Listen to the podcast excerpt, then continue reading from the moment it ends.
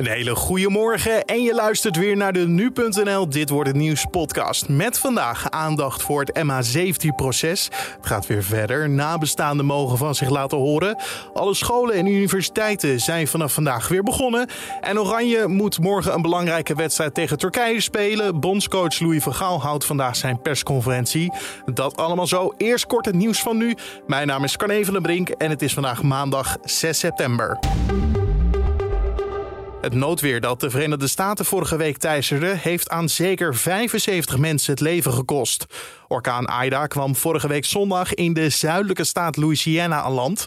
En daar zitten nog altijd 600.000 huishoudens en bedrijven zonder stroom. De meeste slachtoffers vielen toen Ida over het noordoosten trok. In alle staten waar het weer toesloeg, worden nog altijd mensen vermist. De huurprijzen zijn in juli nauwelijks gestegen, maar zo'n 0,8 procent. Dat is de kleinste stijging sinds 1960. Dat blijkt uit cijfers van het CBS. De oorzaak hiervan is regelgeving vanuit de overheid, die huurstijgingen beperkt vanwege de coronacrisis. Er zijn wel wat lokale verschillen. Van de vier grote steden stegen de huren in Utrecht het meest. In Den Haag was die stijging juist het laagst. Na een coronadip stijgt het aantal buitenlandse studenten weer. Dat meldt de Immigratie- en Naturalisatiedienst tegen het AD. De jaarlijkse groei van studenten van buiten de EU zou op 10% zitten.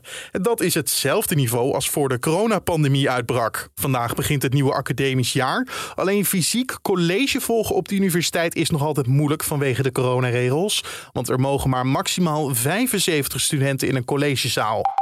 Nederlanders zijn vorige maand minder vaak een bedrijf gestart dan een jaar eerder. Dat blijkt uit cijfers van de Kamer van Koophandel. Dit komt onder meer door de grote personeelstekorten en omdat de salarissen in diverse branches zijn omhoog gegaan.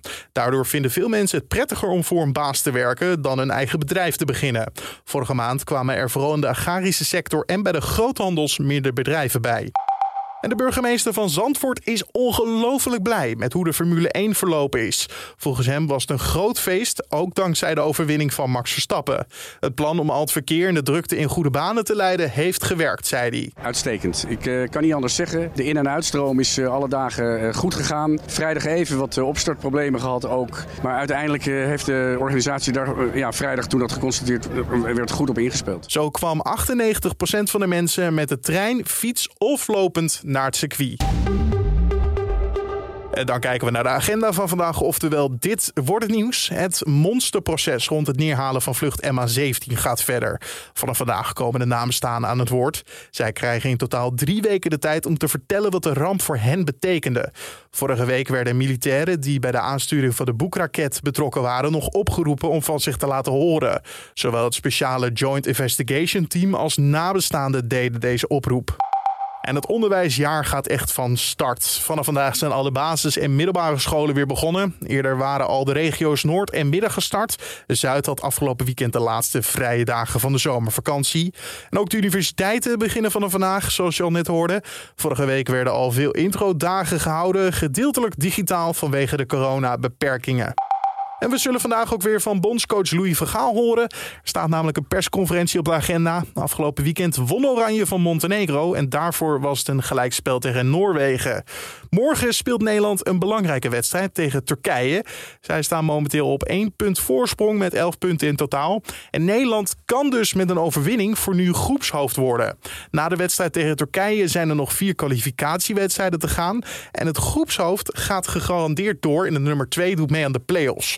Nederland speelt in de Johan Cruijff Arena en de wedstrijd start morgenavond om kwart voor negen. En aan heerlijk nazomerweekend is de grote vraag of het een beetje blijft dat heerlijke weer.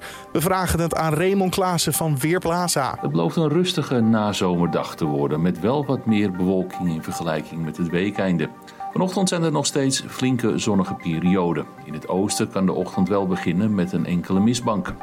Geleidelijk vanuit het noordwesten komt er meer bewolking opzetten en vanmiddag kan de zon af en toe even schuil gaan. De temperatuur loopt op naar zo'n 22 graden in het noorden van het land. In het zuiden van het land kan het 24 of 25 graden worden. Er waait een zwakke noordoostenwind. In open gebieden kan de wind af en toe matig zijn. Vanavond verdwijnt de meeste bewolking weer en wordt het helder. Morgen is er dan volop zon. Dankjewel Remo Klaassen van Weerplaza. En om af te sluiten nog even dit. Boitik van de Zandschulp heeft gisteren opnieuw voor een stunt gezorgd op de US Open. Ja, de Nederlander versloeg in de vierde ronde zijn Argentijnse tegenstander. Wat razend knap zeg. Hij verslaat eh, eerder in de week de nummer 11 van de wereld. Nu de nummer 14 van de wereld, Diego Schwartzman, in een uh, gruwelijke vijfzetter. En uh, bereikt dus de kwartfinale in New York. Zo klonk het bij Eurosport. En met deze stunt bereikt hij als eerste Nederlandse tennisser in 18 jaar de kwartfinales. Hij maakte ook weer een sprong op de wereldranglijst. Hij begon als 117e aan de US Open en nu is hij zelfs virtueel de nieuwe nummer 61ste van de wereld. En met deze stunt sluiten we de podcast af voor deze maandag 6 september. Je kan ons natuurlijk elke ochtend om 6 uur vinden op de voorpagina van nu.nl en je favoriete podcast-app zoals Spotify, Apple Podcast of Google. En uh, je kan ook een recensie achterlaten bij Apple Podcast. Zo help je namelijk anderen ook hem weer makkelijker vinden, deze podcast. Dus je helpt ons enorm mee.